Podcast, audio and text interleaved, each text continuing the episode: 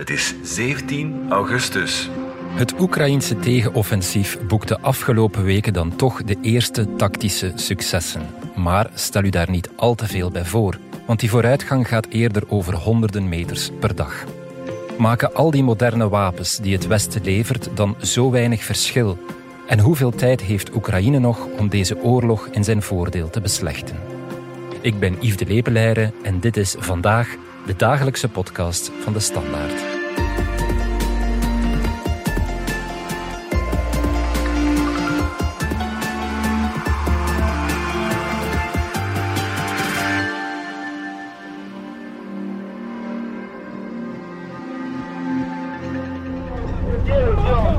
Dit is een Oekraïense aanvalsbrigade ten zuiden van Bakhmut vorige week.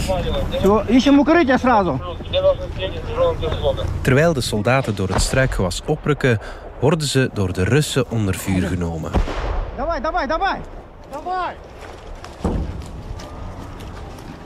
Maar de Oekraïners boeken vooruitgang. En ze filmen hoe ze de Russen met granaten uit hun ondergrondse schuilplaatsen jagen. Типок! Что, больно? Больно, сука, выходи, блядь! Сколько вас человек в окопе, нахуй? Трое! Руки, сука! Броню снимаем, я сказал, блядь! De Russen geven zich over. Пацаны, побачу гранату, сука, я, блядь... Нету гранат, вообще нету, ничего нету. Ook verder naar het zuiden, in de regio Zaporizhia, woedt de oorlog hevig.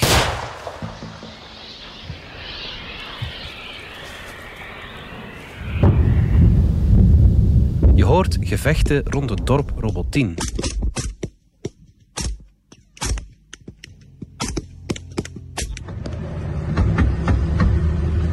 In een video die op het internet circuleert zijn twee Bradley panzervoertuigen te zien die door de Amerikanen geleverd zijn en ze zouden door de Russische verdedigingslinie gebroken zijn. So they're pretty sure the tank was spotted by the Russians, and so now we're moving fast out of here because they're expecting return fire. CNN-reporter Nick Payton-Walsh maakte de aanval op Robotin van dichtbij mee. In this thick dust, these tankers moving forwards to fire at Russian positions, which they say are beginning to look in peril as Ukraine's southern counter-offensive pushes forwards.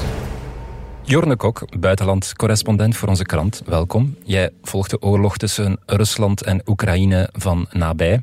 We hoorden daarnet onze collega Alexander Lippenveld vertellen over de vorderingen die het Oekraïnse leger de voorbije week heeft gemaakt. Mogen we zeggen dat het een goede week is geweest voor het Oekraïnse tegenoffensief? In een oorlog is het altijd een beetje dubbelzinnig om van een goede week te spreken, maar eigenlijk was het dat wel voor uh, Oekraïne. Ze hebben de eerste, wat wordt genoemd, significante tactische successen geboekt aan de eigenlijke frontlijn.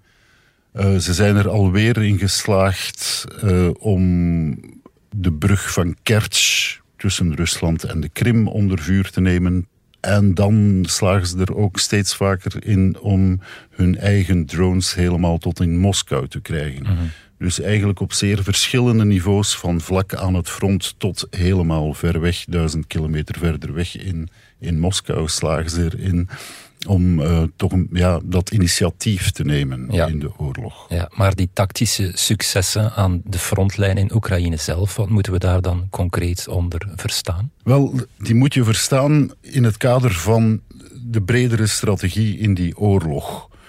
Het basisgegeven is eigenlijk van ja, het Russische leger heeft zich een beetje kapot gevochten uh, in Oekraïne en heeft zich in de voorbije maanden teruggetrokken in zwaar versterkte verdedigingslinies. Mm -hmm. Nu, het is aan Oekraïne nu om de Russen aan te vallen, omdat anders als de frontlijn stilvalt, dat eigenlijk de facto betekent van ja, Rusland kan zeggen alles wat aan onze kant ligt is van ons. Ja. Dat is nog altijd een aanzienlijk deel van Oekraïne, vooral het oosten en het, uh, en het zuiden. Dus Oekraïne moet nu eigenlijk zijn punt maken van wij kunnen ook de Russen terugsturen naar waar ze vandaan komen, namelijk terug over de internationaal erkende grenzen.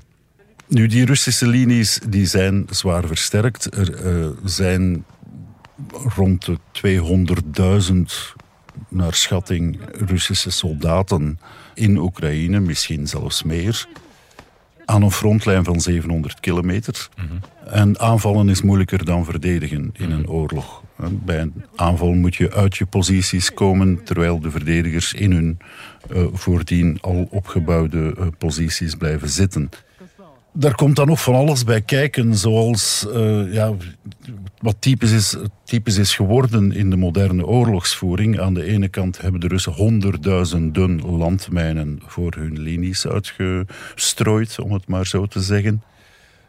Alles wordt tegenwoordig in het oog gehouden met drones. Mm -hmm. En dan uh, staat het Russische leger van oudsher bekend als een artillerieleger. Dus ze hebben enorm veel kanonnen die voetbalvelden vol landmijnen. Daar wordt dan ook nog eens uh, mm -hmm. met kanonnen opgeschoten. Ja. En dat is eigenlijk waar de Oekraïners nu elke dag voor staan. Dat is van hoe banen we ons een weg daardoor. Ja, dus als je dat allemaal in rekening neemt, is het eigenlijk al een succes te noemen uh, dat Oekraïne een dorp zoals Robotine, dat we daarnet hoorden, terug in kan innemen. Want daarover gaat het eigenlijk. Een dorp niet meer dan een dorp. Ja, wel, het is al een groot succes dat een veel kleiner land als Oekraïne het Russische leger in het defensief mm -hmm. duwt.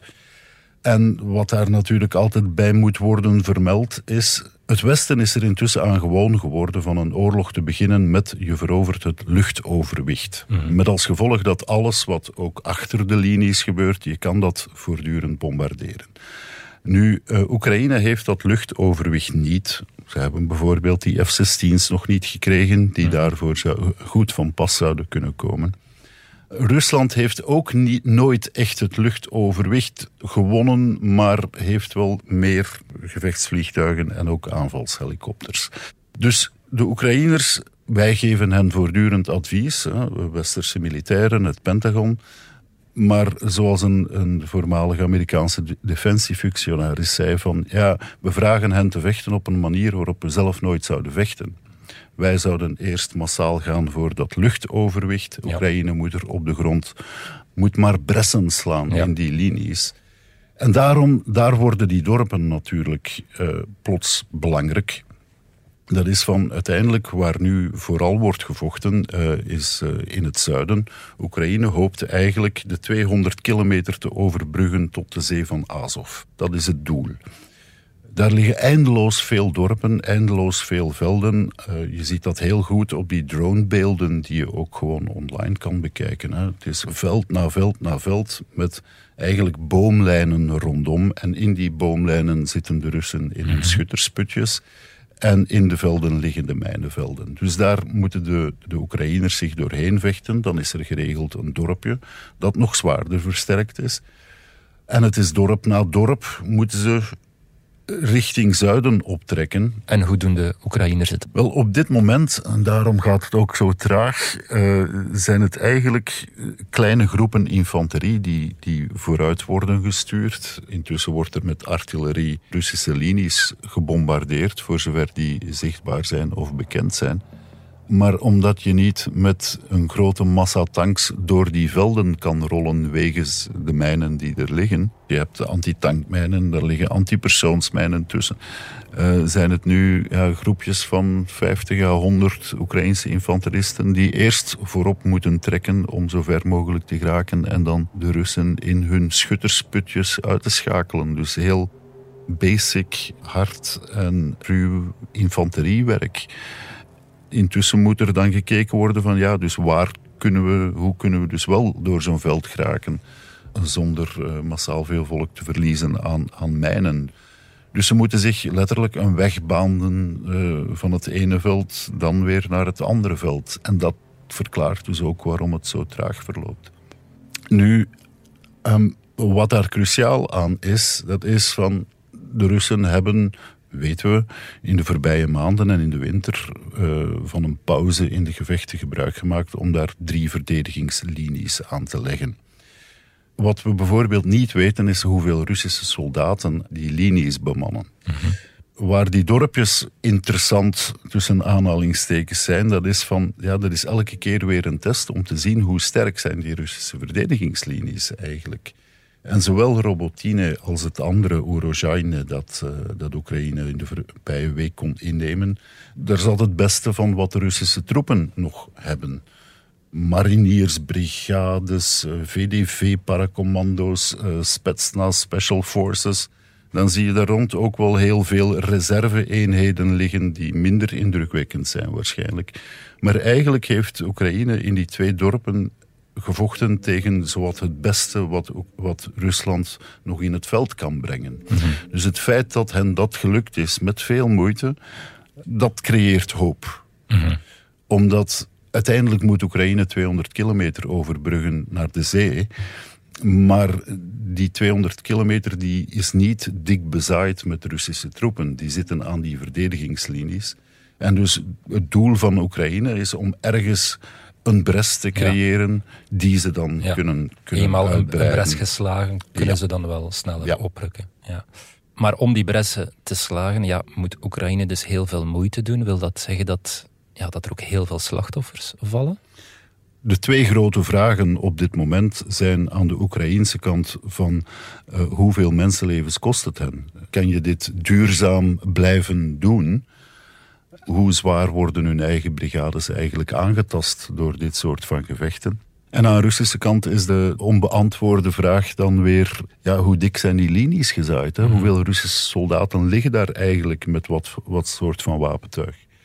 Over de Oekraïnse slachtoffers horen we vooral de Russen. Daar klinkt het bijna als een excuus. Dus de Russische militaire bloggers geven toe van... verdorie, we hebben ons moeten terugtrekken, maar we hebben het hen, duur laten mhm. betalen. De Oekraïners gaan het niet toegeven. Hoeveel soldaten moeten sneuvelen voor zo'n dorp? Uh, maar dat is dus een belangrijke vraag waar we eigenlijk geen concreet antwoord op hebben. Ja, we weten ook aan de frontlijn betrouwbare informatie vergaren is niet zo eenvoudig. Dus hoe zeker zijn we nu eigenlijk van wat daar allemaal gebeurt aan het front? Er komt heel veel puzzelwerk bij te kijken. Er is informatie op heel veel verschillende niveaus. Hè. Dus je hebt het Oekraïense ministerie van Defensie zegt iets, maar zegt eigenlijk zeer weinig. De mhm. Oekraïners hebben van in het begin van de oorlog beslist van we houden zoveel mogelijk voor ons. Ja.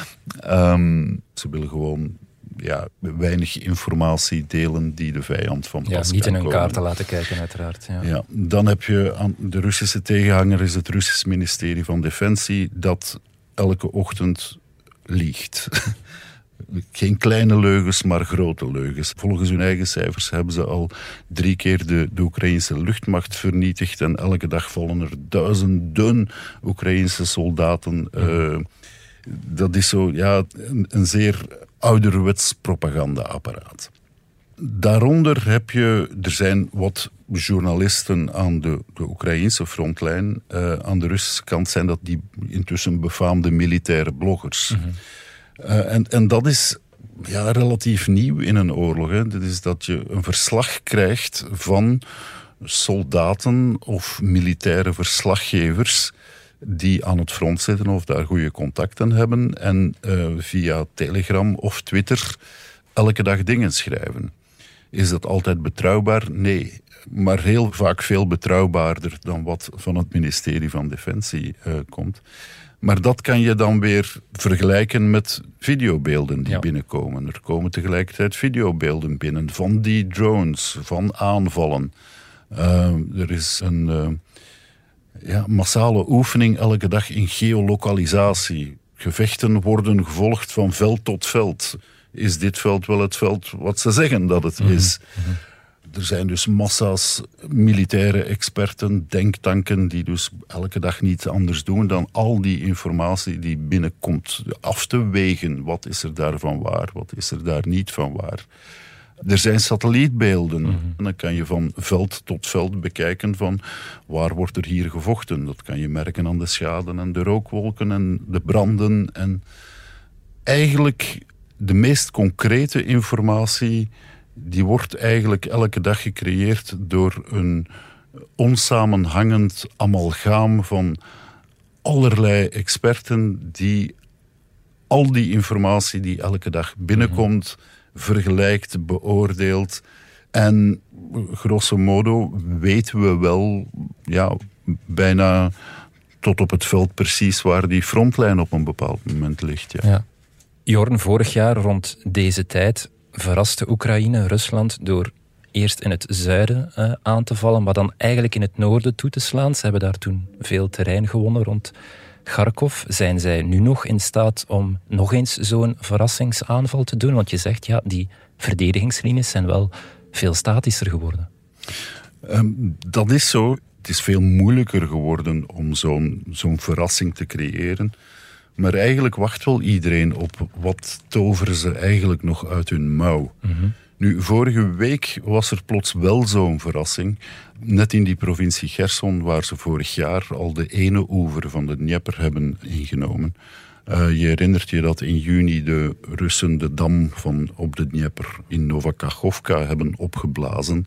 Daardoor is heel dat gebied overstroomd, onbegaanbaar geworden. Intussen ja, is dat water natuurlijk ook weggestroomd. Ja. En de Russen hebben eigenlijk een deel van hun troepen vandaar verder naar die andere frontlijnen in het zuiden verlegd om die te versterken, omdat ze dachten van hier komen de Oekraïners niet meer door.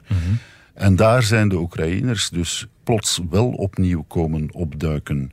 Uh, ze hadden al één bruggenhoofd vlak aan de, aan de stad Gerson.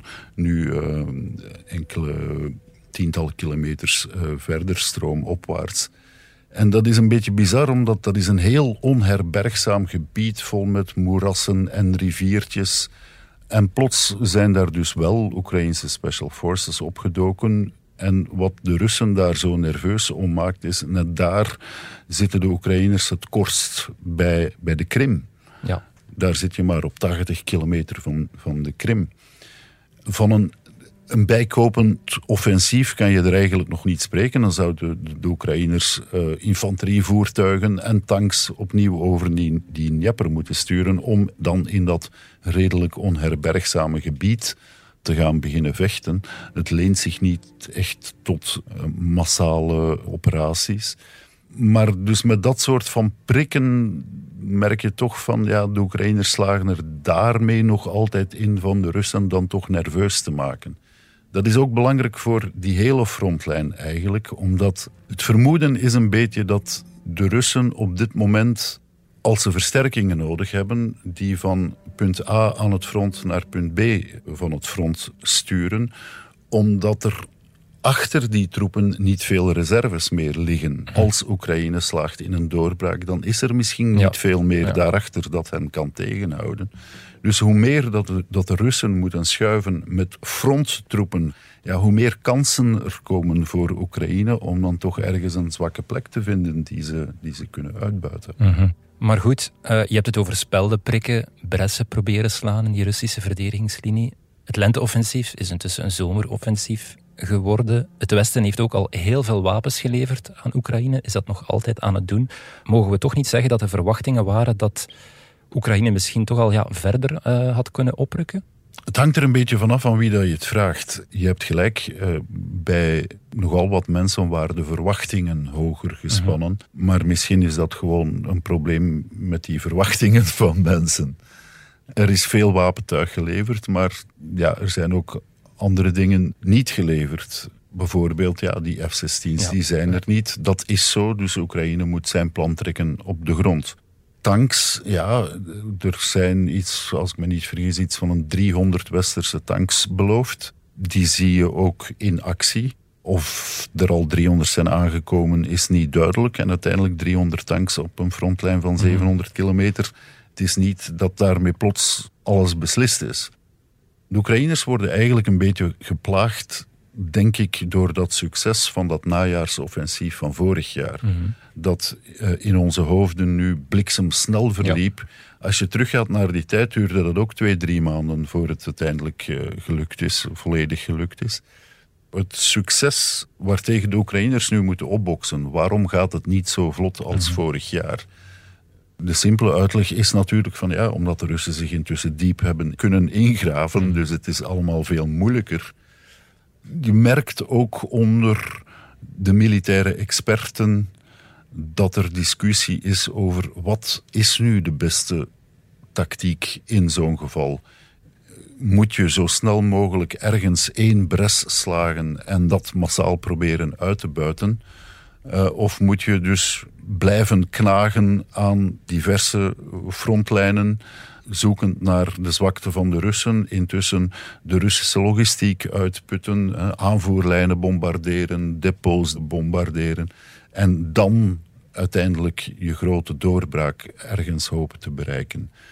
We weten dat het Oekraïense leger op zijn minst twee keer heeft geprobeerd om onder meer met die Leopard-tanks bijvoorbeeld in juni en juli om eens ergens een rush dwars doorheen de Russische uh, linies te proberen. Dat is valikant afgelopen, want ze zijn klem komen te zitten in die mijnenvelden en dan door Russische artillerie beschoten. Dus er is hoe langer hoe meer een consensus, denk ik, toch van ja, het iedereen zou graag hebben dat het sneller gaat, maar misschien is er gewoon geen alternatief voor de manier waarop de Oekraïners het nu moeten doen. Maar op deze manier kan de oorlog dan wel heel lang duren. Hoeveel tijd heeft Oekraïne eigenlijk nog? Want over een paar maanden komt de winter er weer aan. Als dit offensief tegen de winter strandt zonder significante vooruitgang, kan deze oorlog dan nog in een nieuwe plooi worden gelegd? Wel, dat is een, een zeer goede vraag, omdat ja, de seizoenen zijn wat ze zijn. Op dit moment is het zomer. Mhm. We weten eind oktober, begin november begint niet meteen de winter, maar eerst dat befaamde modderseizoen. En dan uh, bijvoorbeeld met je leopards uh, kan je dan uh, niet goed meer manoeuvreren in de Oekraïnse modder. Dus eigenlijk hebben ze nog een maand of twee om iets beslissends te doen. Of Mhm. toch iets dat ja, zo indrukwekkend is dat duidelijk is dat Rusland nu toch wel een stevige klap heeft gekregen. Wat je voorlopig nog niet kunt zeggen, hè, met die paar dorpen waar ja, die doorbraak lijkt te lukken, dat is nog niet eh, het succes waarvan iedereen dan gaat zeggen van ja, dat, dat zomeroffensief heeft Oekraïne veel opgeleverd. Daar zitten we op dit moment nog niet. Dus in die zin tikt die klok inderdaad. Voor de rest uh, hoor ik nu toch hoe meer experten al vooruitblikken naar volgend jaar. En wat zeggen die experten dan? Wel, ten eerste gaan ze er hoe langer hoe meer van uit van, ja, dat dit conflict niet in een beslissende plooi gaat vallen in, in die komende twee maanden. Dat ze dat hele Oekraïnse grondgebied gaan innemen, dat is uitgesloten in die twee maanden. Kan Rusland in elkaar klappen? Ja, we stonden daar eigenlijk al redelijk dichtbij. Toen Wagner uh, richting Moskou marcheerde, plots was het niet meer duidelijk of Poetin s'avonds nog president zou zijn. Maar behoudens dat soort van verrassingen die moeilijk kunt voorspellen natuurlijk, uh, moet je ervan uitgaan van ook als Oekraïne degelijk succes boekt met dit zomeroffensief, dat al binnenkort een najaarsoffensief wordt, dan is de oorlog nog niet gedaan. Ja. Intussen, Jorn, blijft Oekraïne Moskou bestoken met uh, drones. Ik vind dat vreemd. Waarom steekt Oekraïne daar zijn tijd in? Want daar hebben ze toch ook weinig bij te winnen. Wel, op, op zich kan dat een beetje vreemd lijken, want het is niet zo dat uh, Oekraïne met die drones, dat zijn relatief kleine drones uh, van eigen makelij, die hebben ook geen massale explosieve ladingen. Mm -hmm. Dus het is niet dat ze Moskou daarmee in puin gaan gooien. Die Oekraïnse drones hebben niet dezelfde impact als de, de militaire kruisraketten die Rusland voortdurend op Oekraïnse woonwijken mm -hmm. afschiet. Daar zie je gigantische kraters van 9 meter diep en, en vele burgerslachtoffers. Dus diezelfde impact heeft Oekraïne niet, wil het waarschijnlijk ook niet hebben. Maar waarom maar, doen ze het dan? Psychologisch is het, is het belangrijk. Mm -hmm. um, de, de Oekraïnse opperbevelhebber uh, Valery die heeft vorig jaar tijdens de zomer zo eens wat gedachten op een rij gezet in een essay. En een van de dingen die ik me daaruit herinner is van hij begon daarin na te denken van wat is nu eigenlijk zo het zwaartepunt van de Russische macht? Wat moeten we eigenlijk onder vuur nemen of aanvallen om Rusland te doen wankelen in het zwaartepunt van zijn macht? En hij begon dan na te denken van ja, is dat nu de Krim? Ja, nee, uiteindelijk niet, want Rusland zal wel overleven met of zonder Krim. Uh, en uiteindelijk kwam dus de conclusie van het is het, het Russische gevoel van straffeloosheid. Mm -hmm. Het feit dat Oekraïne erin slaagt van vervelend te doen in Moskou, in de Russische hoofdstad. Dat is een typisch staaltje van hoe Oekraïne probeert duidelijk te maken van ja, kijk, jullie hebben tot nu toe alles straffeloos gedaan. Wij kunnen dat ook. Wij kunnen ook tot, tot in jullie hoofdstad geraken en het uh, duidelijk maken aan de inwoners van jullie president heeft jullie uh, wijsgemaakt dat er een speciale militaire operatie was ver in Oekraïne. Wel, wij laten jullie voelen van dit is een oorlog waar uiteraard Oekraïne het hardst onder leidt. Maar voor jullie is dit geen free ride. De Oekraïnse bedoeling daarbij is van laat de Moscovieten ook maar voelen van hmm. dat er een oorlog is. Dat jullie president die oorlog is begonnen. En ja, dat zijn nu links en rechts wat explosies, maar je ziet bijvoorbeeld uh, de, de, internationale luchthaven van Vnukovo in, in Moskou moet geregeld worden, stilgelegd wegens drones ook dat kan twee verschillende reacties hebben. Hè. Ofwel uh, zeggen de, de Moscovieten van oei, ja, nu zijn we de oorlog beu. Ofwel, we worden aangevallen, nu moeten we pas echt te wapen lopen.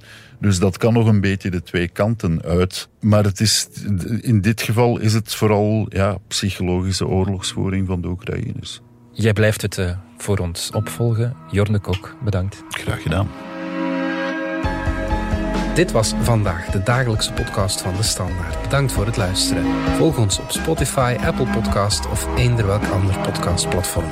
Onze gratis RDS podcast kan je niet alleen ons werk beluisteren, maar ook de beste podcasttips terugvinden. Alle credits van de podcast die je net hoorde vind je op standaard.be-podcast. Reageren kan via podcast.standaard.be.